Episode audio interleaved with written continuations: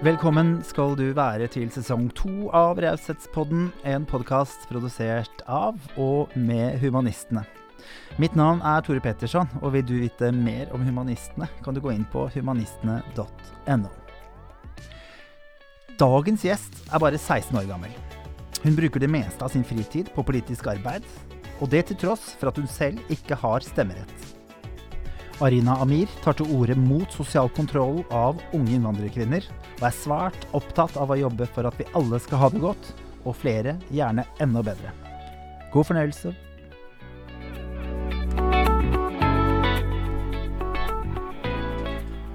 Hun er ung, men hun har allerede uh, vært i gang med tre bøker.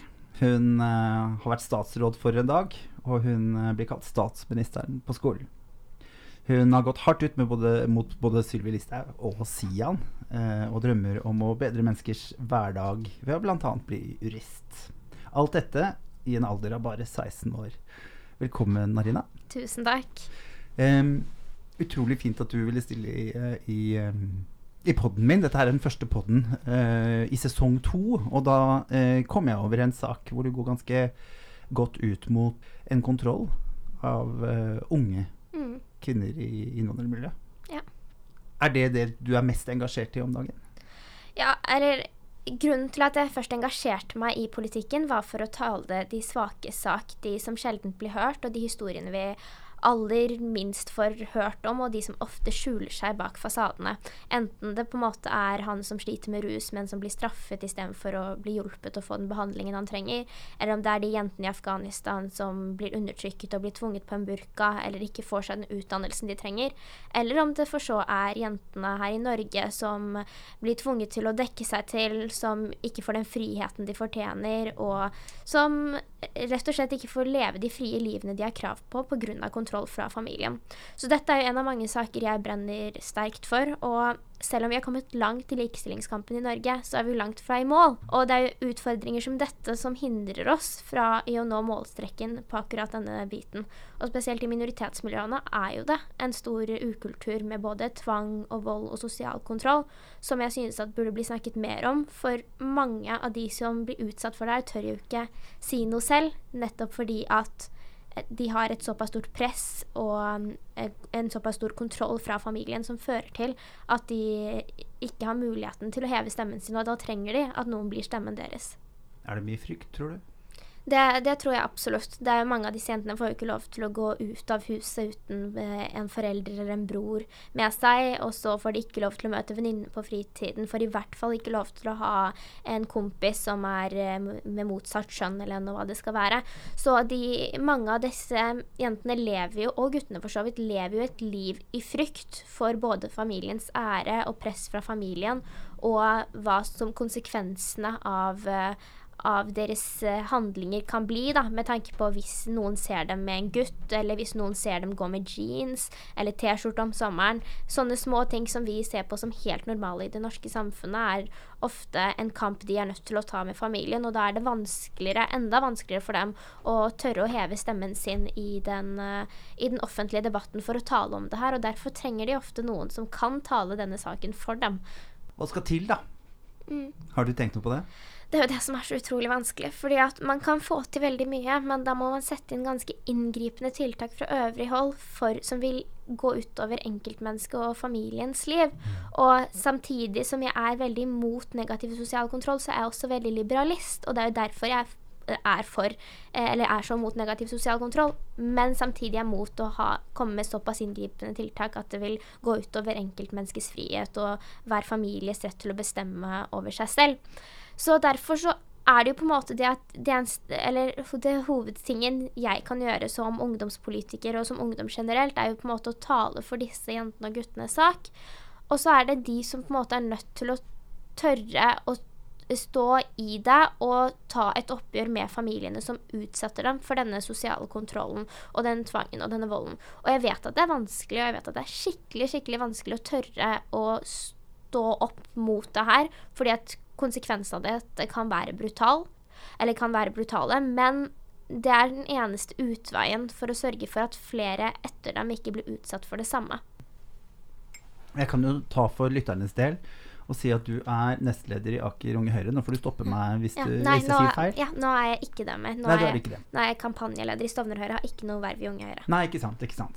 Men du er, har vært i hvert fall styremedlem i uh, eh, Sentralt ungdomsråd. Ja, det er jeg fortsatt. Det er du fortsatt. Og leder for mangfold og inkluderingskomiteen i ungdomsparlamentet. Ja. Ja. Og nå er jeg visepresident der. Og nå er du visepresident der. Eh, der kan du se. Det skjer fort. Ja, veldig fort. Jeg får skylde på alderen. um, du ga ut en uh, bok som heter uh, 'Norsk muslimsk historie' Mm. 2017. Mm. Um, den har jeg ikke fått lest. Kan du ta meg litt gjennom Kanskje også hvor starta på en måte ønsket om å gi den boken, men også litt Ja. om hva den handler om? Ja, uh, Da jeg var ni år, så begynte jo IS å ha en god del terrorangrep i både Paris og i Vesten og litt Brussel uh, og sånn. Og noe som gikk igjen blant journalistene, var at dette var islamister som gjorde at dette var eh, eh, religiøst motivert, og det er pga. religion at de utfører disse terrorangrepene.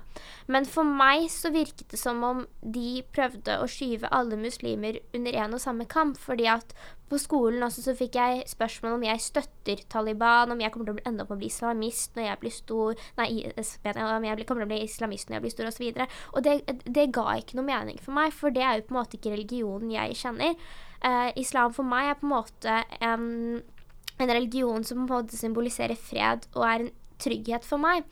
Og da føltes det så feil at noen velger å kalle religionen min og det jeg tror på, eh, eh, liksom terrorisme, da.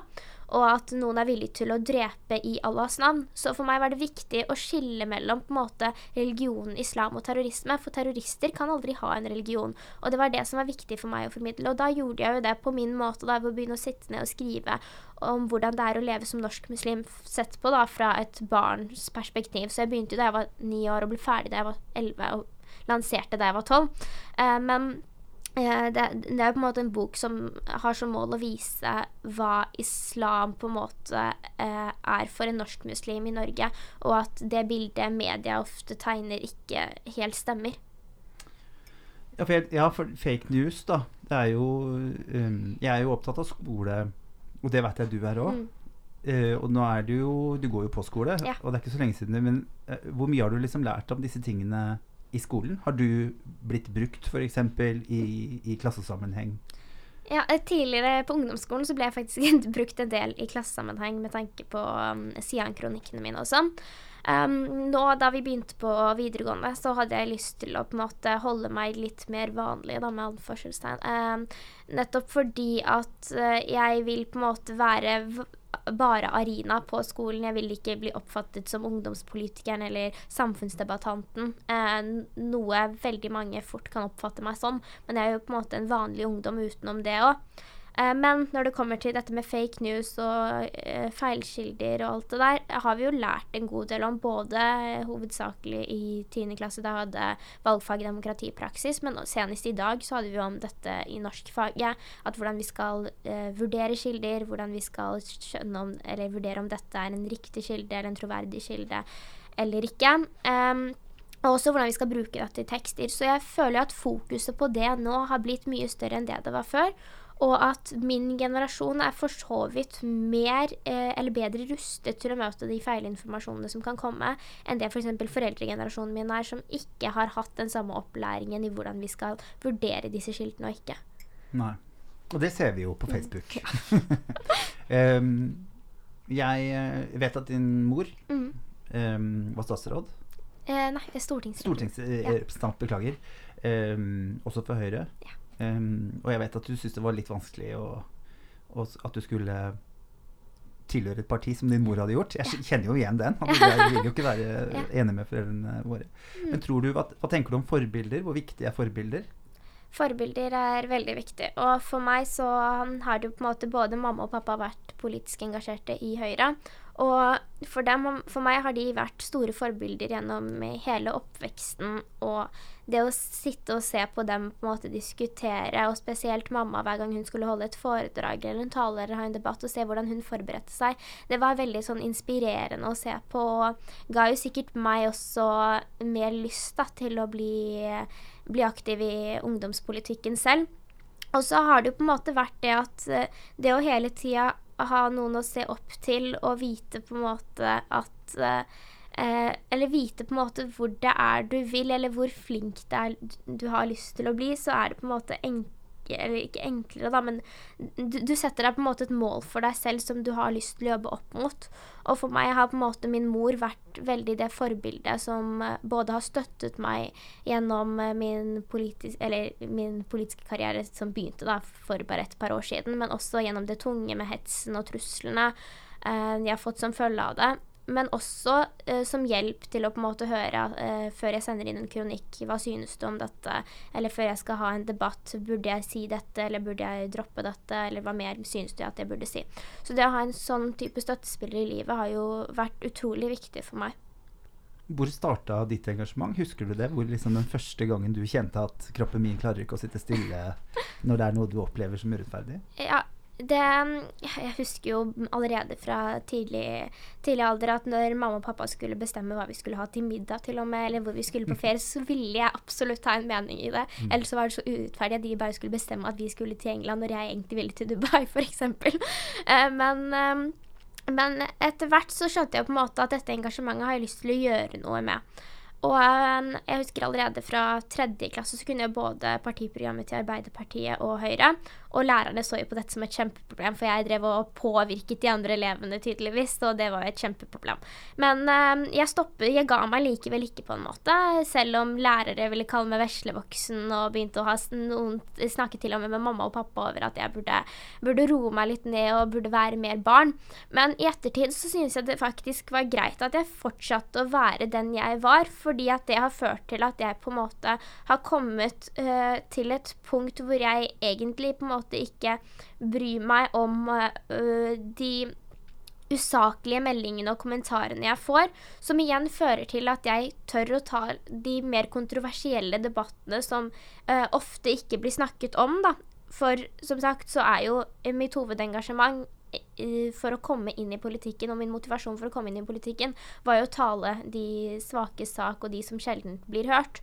Og eh, jeg tror at det å eh, være uredd akkurat der har vært, en, har vært en viktig faktor for min del, slik at jeg har turt å snakke om de tingene som sagt som ikke blir, blir snakket så mye om ellers.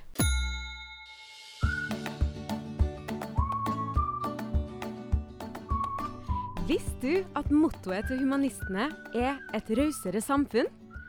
Vi tror at ved å samle alle humanister, uavhengig av tros- eller kulturell bakgrunn, kan vi sammen skape et rausere samfunn der god dialog skaper mindre polarisering, at vi sammen kan styrke menneskerettighetene, og at vi sammen kan ta vare på miljø, naturen og alt liv rundt oss.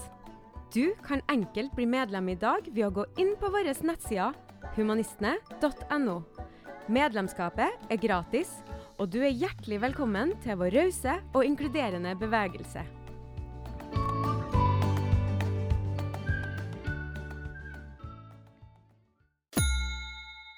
Denne poden produseres jo av humanistene. Mm. Jeg er humanist.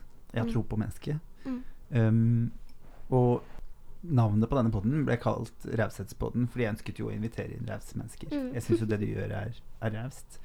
Men hva er, hva er raushet for deg? For meg er raushet det å være et godt menneske og bry, an, bry, seg om andre rundt deg. Og være opptatt av å sikre alle de rettighetene og den friheten du selv har, eller du selv skulle ønske at du hadde. Enten om du ser på en måte en venninne være litt mer nedfor um, så er det greit å gå bort og snakke til henne for å prøve å høre hva det er som er galt, eller om du vet at en kompis på en måte sliter med et eller annet. Uh, og bare være der for de rundt deg, og for de som du kanskje ikke ser, uh, men som likevel du kunne trodd at ville, ville, ville trengt deg. Så for meg det, det handler raushet om å stille opp for hverandre, både nære og kjære, men de man kanskje ikke ser så ofte heller. Mm kvinnekampen i Norge har vært viktig. Mm. Um, opplever du at uh, kvinner med en annen nasjonalitet, jeg vet ikke hvordan jeg skal si det, um, får være med på den? Føler du at det har vært nok raushet der? Både ja og nei. Eh, Norge som samfunn som sin helhet føler jeg har vært tatt eh, kvinner og jenter med minoritetsbakgrunn godt imot. Men så handler det jo om det eh, på en måte de skjulte fasadene bak det igjen fører til. Da. For man sier jo i offentligheten at de har de samme mulighetene, og at de har de samme eh, forutsetningene til å lykkes. Men så er det jo det som skjer i praksis, og i praksis er det jo slik at når en jente med minoritetsbakgrunn eller en kvinne med minoritetsbakgrunn hever stemmen sin, så blir hun oftere møtt med hets og trusler, ofte pga. sin bakgrunn, pga. sitt utseende, og at hun ikke er norsk nok. Og så eh, I tillegg til det så er det også bevist flere ganger at det er vanskeligere å bli innkalt til jobbintervju dersom du har et utenlandsklignende navn enn om du har et norsk navn. Så det viser jo på en måte at selv om man er flinke til å snakke om at man gir muligheter og like forutsetninger til alle, så er det jo ikke sånn det fungerer i praksis. Og så er det jo de ressurssterke kvinnene og jentene med minoritetsbakgrunn som uansett vil klare seg godt eh, i, her i livet, men så er det jo de som trenger litt den eh, det dyttet, på en måte, da, for å klare å eh, tørre å gå frem, enten for å søke en jobb eller for å søke seg opp til, uh, videre til høyere utdannelse. Og der sliter, de sliter vi litt med å fange opp, for de som allerede har satt seg klare mål, de vil gjøre alt for å nå de målene. Men så er det jo hvordan samfunnet tar vare og prøver å inkludere de som holder på å falle utenfor, og som allerede står i fare for å eh, ja, være utenfor, da, utenfor resten av samfunnet. Så det er jo de jeg føler at vi sliter litt med å fange opp, enten det er fordi at de har flyktet hit eller kommet hit som eh, innvandrere eller familiegjenforening eller hva det skal være. Integreringen av dem har vært uh, har ført til at Eller integreringen har ikke vært god nok, så man ser jo på en måte at mange av dem faller utenfor, og det er jo det som er min største bekymring. For mange av disse har jo en enorm kompetanse som uh, det norske samfunnet absolutt trenger. Mm. Det er kanskje vanskelig å svare på, men mm. hvor ligger liksom hovedansvaret, tenker du? Er mm. det et oppgjør som må tas i minoritetsmiljøene, eller er det et ansvar Norge bør ta? Landet, staten? Jeg tenker både og. Hvis man tenker de jentene som er født og oppvokst i Norge, så har mange av dem høye ambisjoner og høye mål. Og der er det ikke på en måte et ansvar minoritetsmiljøet i seg selv har. Men så er det jo enkelte familier hvor uh, jentene har uh, Eller kvinnene har innvandret hit i form av familieinnvandring eller flyktning på grunn av kommet hit som asylsøkere eller noe lignende. Og der er det på en måte mer kanskje minoritetsmiljøet også som har et ansvar for å sørge for at um, man sørger for at kvinnene også blir inkludert i det norske samfunnet, og ikke ender opp med å bli isolert og bare blir satt til å på en måte passe barna og være hjemme, slik som ofte er normalt i, i mange av disse landene de kommer fra, da både Syria og Pakistan og Afghanistan og sånn, er det jo vanlig at kvinnene for det meste er hjemme, men i det norske samfunnet er det jo en helt annen kultur. Her det er, er det jo normalt at både kvinnen og mannen jobber, og for at disse kvinnene skal bli inkludert i resten av samfunnet, så er det jo nødvendig at de kommer ut i jobb, fordi at arbeidsplassen vil være den viktigste nøkkelen for både inkludering og integrering. Og så handler det også om det å styrke integreringen, slik at disse kvinnene forstår hvilke rettigheter de har, og hvilke Eh, lover og regler som finnes i Norge, som, kan, som, er til for å beskytte dem. For mange av disse kvinnene lever jo både undertrykket og um, blir utsatt for vold i hjemmet og lignende. Og i hjemlandene så er det jo på en måte eh, en stor byrde for dem å ende opp med å eh, skille seg nettopp fordi de er økonomisk avhengig av mannen. Men her så kan de jo få økonomisk hjelp, og de kan bli hjulpet. Og det er jo ofte de mennene som hindrer dem fra å bli, eh, bli inkludert og komme ut i arbeidslivet. Så jeg tror nok at det å først og fremst styrke integreringen med mer fokus på hva de norske lovene og lover og reglene er, hvilke rettigheter de har, og også lære litt mer om hva, hvilke verdier vi bærer på, hvilken type kultur vi har. Fordi at eh, den kulturkollisjonen blir ofte vanskelig for mange å tåle, nettopp fordi at eh, kulturen i på en måte Midtøsten er veldig ulik fra den norske kulturen, og den kulturen det, det å finne den kulturbalansen kan være vanskelig hvis man ikke har lært seg hvilke normer og regler som gjelder i det landet man har flyktet eller kommet til. da. Opplever du at det er religiøst eller kulturelt som er det største problemet? kulturelt. Ja. for meg har det vært en stor utfordring å drive og høre på at mange politikere velger å kalle på en måte ting som f.eks. negativ sosial kontroll, religion og skylde på islam. Men hovedsakelig så har jeg indiske venner som både er sikher og hinduer og ingen av dem er muslimer. Men jeg ser jo at de blir utsatt for akkurat den samme sosiale kontrollen som mange av det mine pakistanske bekjente gjør. Og det fører jo til at um, um, det å kalle det religion blir for, på en måte for vagt, nettopp fordi at dette er et mye mer kulturelt problem enn det er et religiøst problem. Og um, jeg som på en måte stolt kaller meg norsk-muslim, blir jo ikke utsatt for denne sosiale kontrollen i det hele tatt. Mens andre som vil kalle seg på en måte hinder, blir utsatt for den sosiale kontrollen. Som igjen ikke har noe med den eh, religionen å gjøre. Eh, og så ser man jo også at liksom, land som Pakistan og India Eh, og den bakgrunnen de har, blir utsatt for mye av den samme sosiale kontrollen med tanke på tvangsekteskap, arrangerte ekteskap, hvordan de skal kle seg osv. Og så er det på en måte de arabiske landene og f.eks. somalere som blir mer utsatt for at de skal bli, bruke barnehijab eller burka og litt sånne type ting. Så man ser jo at de ulike landbakgrunnene og de ulike kulturene har ulike måter å utsette sine barn for sosial kontroll. Og det viser jo da at det på en måte ikke er et religiøst problem, men mer et kulturelt problem. Mm jeg også, kjenner jo til, til, dette også fra da jeg var på din alder. Mm. Uh, at det var noen som plutselig ikke fikk være med, mm. f.eks. Um, men kan du på en måte forstå Sett ut ifra hvordan det norske samfunnet er da, når man kommer til et nytt sted Jeg kjenner jo Hvis jeg hadde flyttet eh, til et annet land, særlig hvis jeg måtte, ikke sant? At det ikke var noe, at det ikke var noe valg for meg, at livet mitt var truet der jeg kom fra. Mm at jeg ville holdt veldig på de norske verdiene. Mm. Hvordan skal vi få de med? Ja, det er jo det som er utfordringen. Men jeg tror det For det finnes jo veldig mye bra ja. uh, også i den norske kulturen. Mm. ikke sant? Det finnes ja. jo masse, masse, fine ting som mm. ikke nødvendigvis uh, gjør at kvinner all, Alle kvinner ligger ikke med alle og drikker og fester, på en mm. måte. Mm. Ja. jeg tror jo det er viktig å på en måte få disse innvandrerne til å forstå, eller de innvandrerne som kommer hit, til å forstå at de kan fullt og helt bevare sin egen kultur, men samtidig så kan de ta med seg noen gode ting fra norskkulturen og blande det med noen gode ting fra sin egen hjemkultur og sammen gjøre det til sitt eget. For eh, liksom f.eks. slik det var på 1800-tallet her, så driver vi jo ikke mer med fornorskningspolitikk i Norge.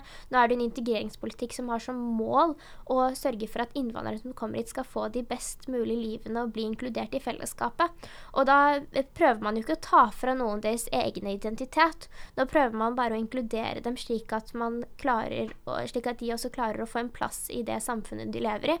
Og så kan jo jeg også se for meg at vil, det er veldig vanskelig å tilpasse et samfunn som er veldig ulikt eh, en selv. F.eks. når jeg besøker eh, Pakistan fordi at jeg har bakgrunn fra Pakistan, eller mine besteforeldre eh, innvandret jo hit som arbeidsinnvandrere fra Pakistan. Og jeg ser jo at det er en helt annen kultur der. Kunne jo på en måte aldri bodd der med mindre jeg absolutt ble tvunget. Men samtidig så ser jeg at når jeg drar dit, så er jeg nødt til å tilpasse meg en helt annen kultur. Jeg må kle meg på en litt annerledes måte. Jeg må oppføre meg på en litt annerledes måte. Jeg kan på en måte ikke snakke med, med selv guttene i slekten og litt sånn hvis man bare er alene med dem. Men det er fordi at det er en helt annen kultur, og da må man tilpasse seg den. Og på samme måte så tenker jeg at hvis eh, man forventer at man skal eh, eh, tilpasse seg de kulturene man drar til bare som eh, turister, på en måte, så burde man i hvert fall ha det som et minstekrav, at man skal klare å tilpasse seg det samfunnet man kommer for å bosette seg i. Og så er det jo det at man er nødt til å trenger, de trenger også en hjelpende hånd på veien for å forstå hvilke verdier vi, det norske samfunnet bygger på, hvilken kultur vi har, og eh, hva det er vi på en måte verdsetter høyest med tanke på likeverd, likestilling, at alle skal bli sett på for den de er, og ikke hvilken bakgrunn de har, osv., eller hvilket kjønn de har. Men dette er ting som er nødt til å læres opp og kommer jo ikke helt av seg selv. Så da har jo både vi som samfunn et ansvar for å inkludere dem, men også de selv et ansvar for å komme inn med den holdningen at vi ønsker å tilpasse oss det samfunnet vi lever i, men samtidig ta vare på det, de verdiene og den kulturen vi har med oss. Jeg har jo alltid hatt en tanke om at um, jo flere vi står sammen, jo gladere vi blir, mm. eh, jo mer får vi gjort. Er det noe du har lyst til å si til til unge innvandrerjenter som, som kanskje er redd for å bruke stemmen sin, da. Mm. Som heldigvis har deg som forbilde. Eh, for du er jo ikke redd for det. Mm. Men, men hvor viktig det er å, å samle seg, stå sammen, bruke stemmen sin. Ja. Jeg tror nok at hvis man er alene om det, så vil det være langt vanskeligere å både bli trodd på og få til den endringen man trenger, som er høyst nødvendig. Men jo flere vi er som taler denne saken, og taler for de jentene som trenger den, eh, trenger den hjelpen og den stemmen, jo enklere vil det være å få til den endringen vi absolutt, eh, absolutt trenger. Så jeg tror nok at det er viktig at de, som, de jentene som brenner inne med noe, enten man har minoritetsbakgrunn eller etnisk norsk bakgrunn eller hva det skal være, at de står opp for det de, for, eh, det de brenner for, og hever stemmen sin. Fordi at selv om man kanskje ikke skal tro det, så har stemmen din en god del å si. Mm. Vi har eh, jo kommet inn i en tid eh, som er veldig krenkbar, sier jo en Mm. del folk. At man blir fort krenka. Mm. Hva tenker eh, Nå skal ikke du behøve å svare for alle på din alder, men hva tenker du liksom om, om em, ja, om humor som blir brukt, f.eks., eller, eller eh, ja, det at folk reagerer veldig fort på ting om dagen? Da. Ja, nei, jeg, jeg synes at det har blitt altfor enkelt å bli krenket, enten det er på en måte eh, med tanke på eh, de som har på en måte asiatisk bakgrunn, eller de som har, er mørke i huden, eller hva det skal være. Det har, eh, det har blitt så lite det er mulig å tulle med, og så går det jo for, så klart en grense. Det er en grense for alt. Men man må jo på en måte klare å skille mellom tull og rasisme. Og, eller altså humor og rasisme. Og akkurat den på en måte eh, forskjellen der tror jeg på en måte ikke folk helt har klart å, klart å finne. Um, så jeg tror nok at det har blitt mye enklere å bli krenket nå enn det det var før. Og det synes jeg bare er en ukultur, rett og slett. Nettopp fordi at hvis vi ikke skal klare å bruke humor for å på en måte få frem de store utfordringene i vårt samfunn, så vil det jo på en måte være vanskelig å få med alle i den eh, høyst nødvendige endringen. For humor har jo tidligere også blitt brukt for å eh, anerkjenne temaer som ellers har vært vanskelig å snakke om. Og i saker som både rasisme og diskriminering, så tror jeg at humor kan være en viktig, et viktig virkemiddel for å få til den eh, endringen vi da trenger. Jeg tenker jo at folk blir um, redde, og, Mm. og er, det, er det saker du unngår å snakke om fordi du tenker at det kan bli mye greier av det? At det kan bli mye negativt Mm. etterpå? Ja. Eh, jeg, etter de Sian-kronikkene, og etter at jeg hadde vært Eller rundt tiden jeg var utviklingsminister for en dag, så tenkte jeg at nå skal jeg være veldig forsiktig med hva det er jeg uttaler meg om, og hva det er jeg konkret sier. Nettopp fordi at jeg hadde møtt så mye hets og så mye trusler og sjikane fra de høyreekstreme miljøene. Men etter hvert så innså jeg at man, da, hvis jeg på en måte gir meg og slutter å tale og, eh, for det jeg absolutt brenner sterkest for, så vil jo disse hetserne bare få viljen sin og klare å oppnå det de ønsker. Og den gleden vil jeg på en måte ikke at de skal få. Så det beste svaret tilbake til dem er jo på en måte å fortsette å snakke om det man brenner for, og fortsette å heve stemmen sin. Eh, slik at de som blir utsatt for på en måte disse ukulturene, enten det er rasisme, diskriminering, sosial kontroll eller hva det skal være, at de får den stemmen de på en måte trenger. Og så har det også vært litt sånn i sosial kontroll-debatten at uh, først så startet jeg veldig forsiktig med å på en måte snakke om små utfordringer og prøve å være veldig nyansert og forsiktig med mine ord. Men jeg innså på en måte at det var, bare det lille jeg sa var nok til å provosere, og at eh, folk tok ikke hensyn til hva de skrev til meg, så hvorfor skal jeg begynne å ta hensyn til dem?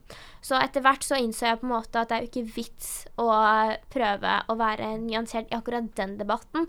Så da har jeg jo endt opp med å si akkurat det jeg mener, og det har vært provoserende for mange, har jeg merket. Men jeg, jeg tror det er nødvendig i saker som det. Og så er det andre saker hvor det er bedre å være nyansert. Men uh, jeg tenker at uh, vær mot andre slik du vil at andre skal være mot deg.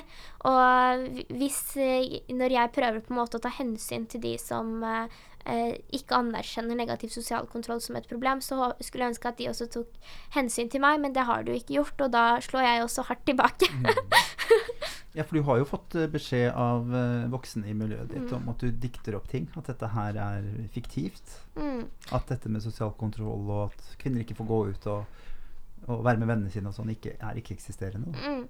Ja, eh, norskpakistanere hovedsakelig har jo på en måte stått for mye hets. Um, og så Det som på en måte er leit der, er jo at det er de som på en måte topper listen over antall innmeldte negative sosiale kontrolltilfeller etter Syria og Irak, ifølge Amnesty sine tall.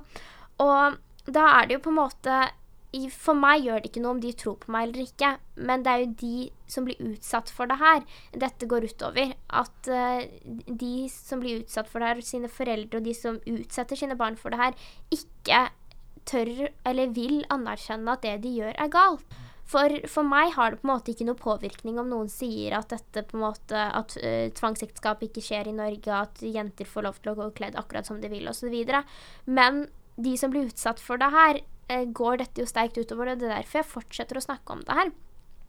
Eh, og all statistikk sier jo imot dem. Eh, spesielt etter, nå etter pandemien så har jo negativ sosial kontroll-tilfellene gått betydelig opp. Og så er det store mørketall her. Og bare de jeg kjenner, på en måte eh, så er liksom Av alle jeg kjenner i minoritetsmiljøene, så har alle blitt utsatt for noe form for sosial kontroll.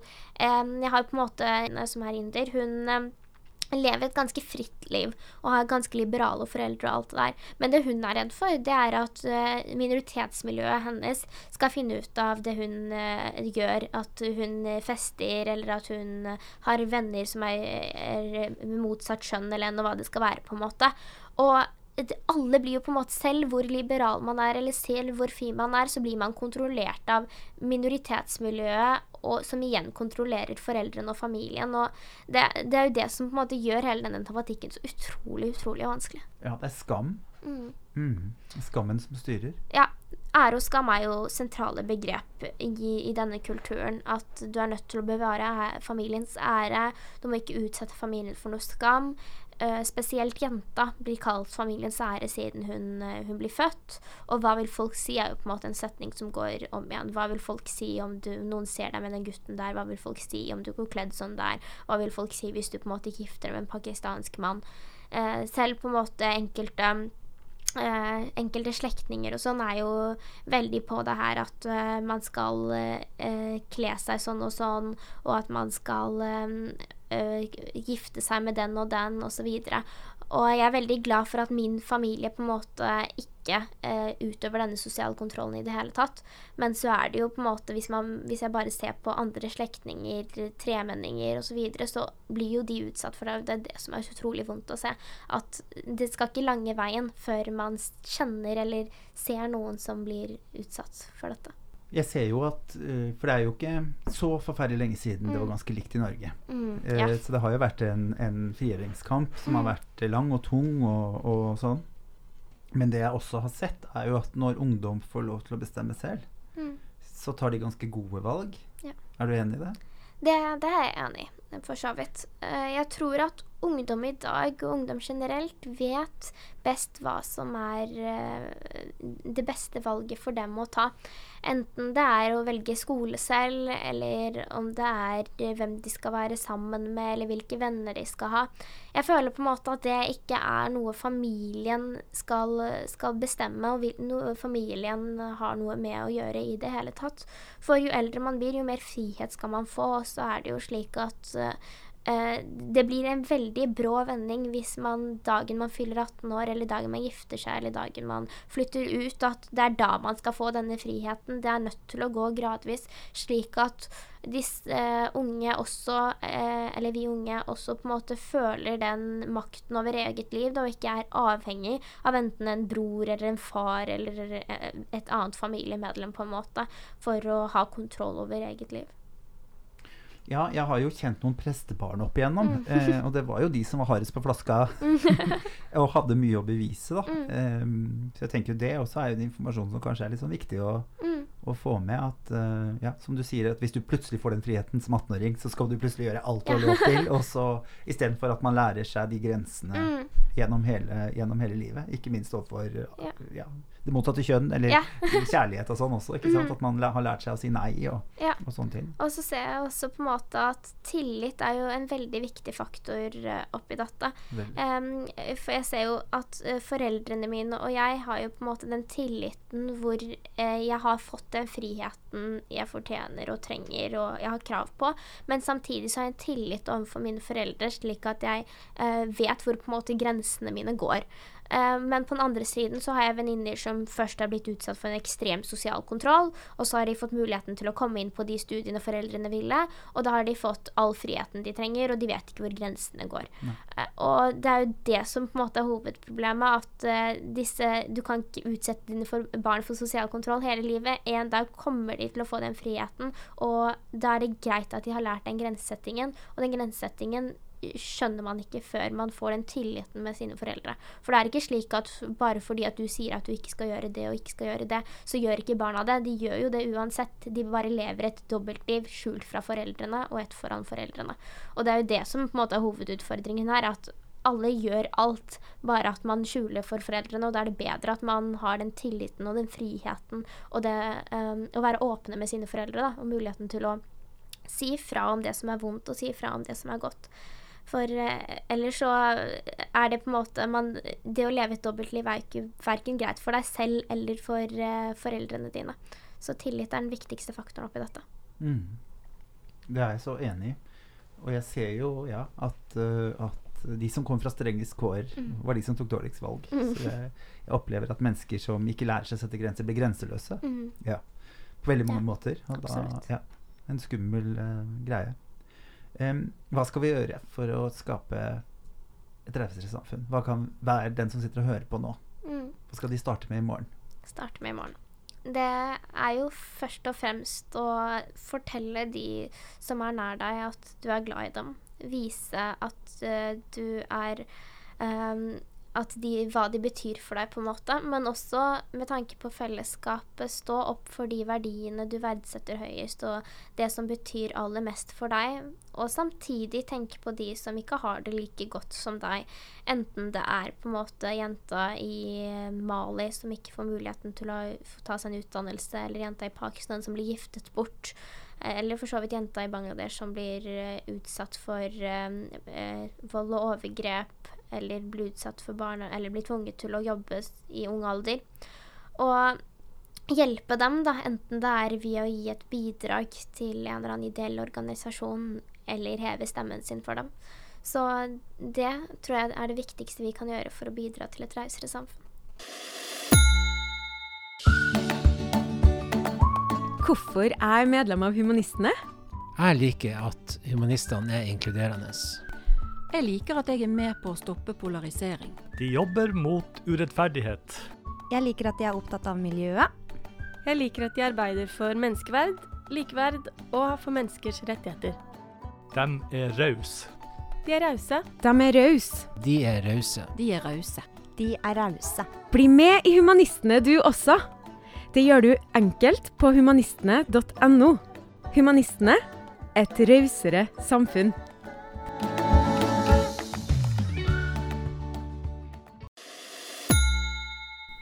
Er du like raus mot deg sjøl? Ja, jeg vil si det. Eh, greia, eller tingen for meg har vært på en måte at det å skille mellom skole og politikk og fritid har vært, eh, har vært vanskelig en periode. Det har vært veldig mye skole og politikk sammen. At jeg gjør, eh, skriver kronikker i skoletida, og så jobber jeg med skole når jeg egentlig eh, er, et annet sted, på en måte. Eh, og så er det på en måte det at når jeg er med venner, så er jeg veldig dårlig på å koble av, og så blir det veldig mye politikk der.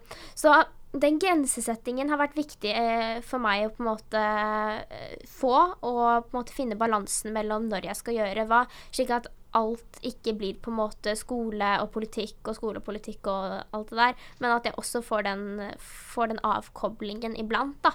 Og da er det jo på en måte Eh, viktig å ha gode venner rundt deg. Eh, min aller beste venninne som jeg har hatt siden første klasse, Maria, er jo en på en måte jeg snakker med utrolig mye. Og som på en måte har ført til at jeg på en måte har klart å finne den balansen i, i ting. da. Og samtidig så er det et eh, ja, eh, De som kjenner meg godt, vet jo at jeg er veldig glad i Pepsi Max. så, så, så det har også vært en avkobling i hverdagen. Eh, jeg lurer på For du har jo Ja, du kjenner jo sikkert mye folk og henger med de, og har foreldre som gir deg den tilliten Mm. da, som du snakket om. Em, og så snakket vi litt i stad om det pakistanske miljøet, og at veldig mye styres på en måte ifra fra eh, miljøet rundt. Mm. Um, hvordan opplever din familie det? At du er med her, f.eks., og, og uttaler deg? Du er jo Mm. ung, og de må jo ha en veldig tillit til deg. Ja, nei, mamma og pappa er jo veldig glade for at jeg både hever stemmen min, og så støtter de meg gjennom alt. Og så er det også ting vi er uenige om når det kommer til saker. F.eks. enkelte ting jeg har uttalt meg om, er vi politi politisk uenige om. Men likevel så støtter vi jo hverandre og heier på hverandre. Og dette er jo på en måte en frihet eh, f.eks. mamma fikk fra sine foreldre, og pappa kanskje måtte kjempe litt mer for. Men det jeg syns er viktig, og jeg, der, jeg syns jeg er heldig, på en måte, er jo at begge mine foreldre har jo på en måte sett i form av eh, egne opplevelser og av eh, venners opplevelser hvordan det er å bli utsatt for denne sosiale kontrollen, og hva som er konsekvensene av det. Og det har jo ført til at de har da gitt eh, sine barn den friheten de trenger for å kunne på en måte oppnå sine mål og følge sine drømmer og gjøre det de selv mener er riktig. Og jeg tror jo på en måte aldri at jeg ville turt å både sitte her eller tørre å heve stemmen min hvis jeg ikke hadde den støtten fra mine foreldre. Så det, det har på en måte vært den viktigste faktoren for min del. Er du god til å takke dem for det?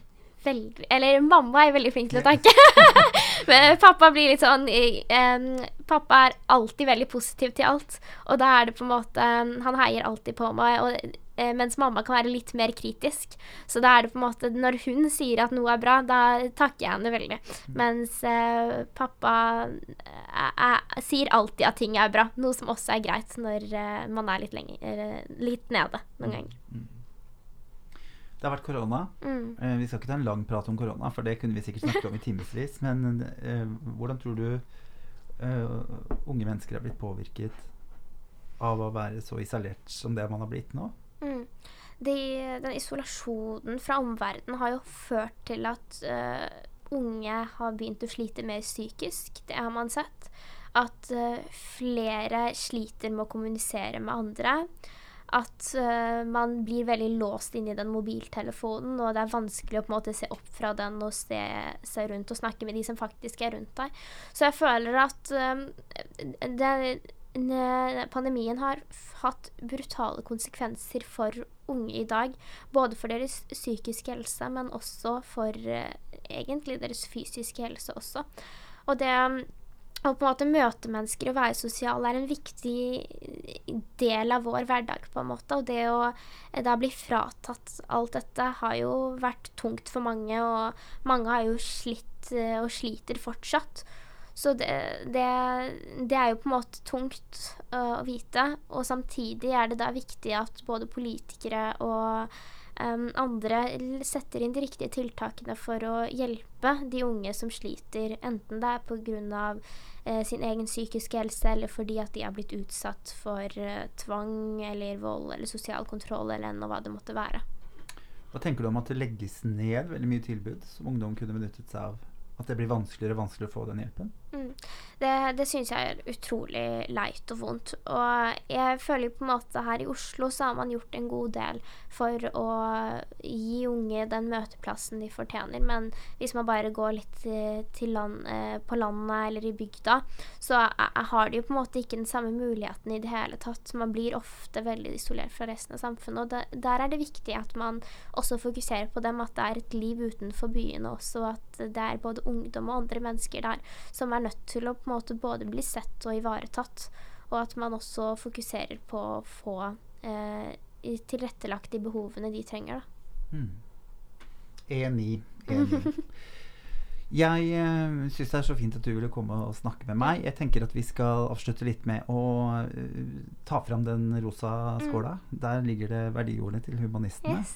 Uh, så da kan du bare ta opp en, og så vil jeg gjerne at du bare sier det som faller ned i hodet på deg når du okay. leser det ordet? Yes. Skal jeg lese ordet først? Ja, gjerne det. Mm.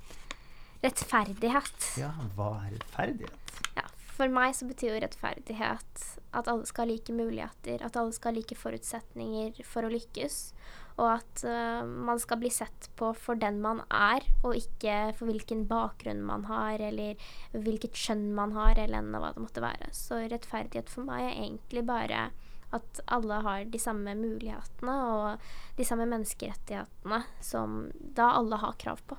Ja, du er opptatt av menneskerettighetene. Veldig. Mm. Hva, eh, hva kan vi bli flinkere på? Vi, har du noen tips på det? Ja, Hvor øh, er det det svikter? i, på verdensbasis så er det jo dette med utdanning for alle. For jeg tenker at for at vi skal klare å få til de andre menneskerettighets... eh, Eller bærekraftsmålene, mener jeg, så er utdanning for alle det aller viktigste. For det vil være med på å bekjempe eller sørge for at uh, fattigdommen ikke går i arv, at man får mindre terrorisme i verden, at man får mer trygghet, mer likestilling osv. Fordi at hvis uh, man gir utdanning til alle, så klarer man å eh, klarer disse barna da når de blir eldre å skille mellom dumt og bra, og, og da hindrer man jo at de havner i disse farlige miljøene, enten det er kriminelle miljøer eller terrorisme eller hva det er. Og samtidig kommer du ut i jobb som fører til at fattigdommen ikke går i arv. Og da får jentene og guttene like muligheter fra start, som igjen fører til at likestillingen og, eh, blir bedre, og at man får mindre ulikhet. Men i Norge så føler jeg også at eh, Eller føler jeg jo at likestillingen Nei, utdanning er jo ganske god, men likestillingen er hovedutfordringen her um, sammenlignet med de andre bærekraftsmålene. Fordi jeg synes at vi klarer oss ganske greit, men det er likestillingen vi har en vei å gå på. Og da hovedsakelig likestillingen i arbeidslivet, for man ser jo at selv om de aller fleste kvinner er ute i jobb, så er det en stor eh, manndominanse i lederrollene, eh, både som administrerende direktører og som avdelingsleder og alt det der. Så for meg er det viktig at flere kvinner også får muligheten til å komme inn i disse lederrollene, for man vet jo at kvinner er minst kapable som eh, menn, like kapable som menn, for å ta på seg dette ansvaret, men det handler bare om å gi dem muligheten til å gjøre det. Veldig fint. Mm. En god avslutning, uh, syns jeg. Jeg har lyst til å takke deg for at du ville bli med. Ja, tusen takk for invitasjonen. Sesongens aller første podkast.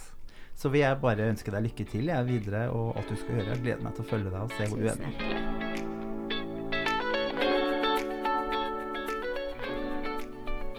Du har hørt på Raushetspodden, en podkast produsert av og med Humanistene. Ønsker du å vite mer om Humanistene, gå inn på humanistene.no. Da gjenstår det bare å si riktig god helg.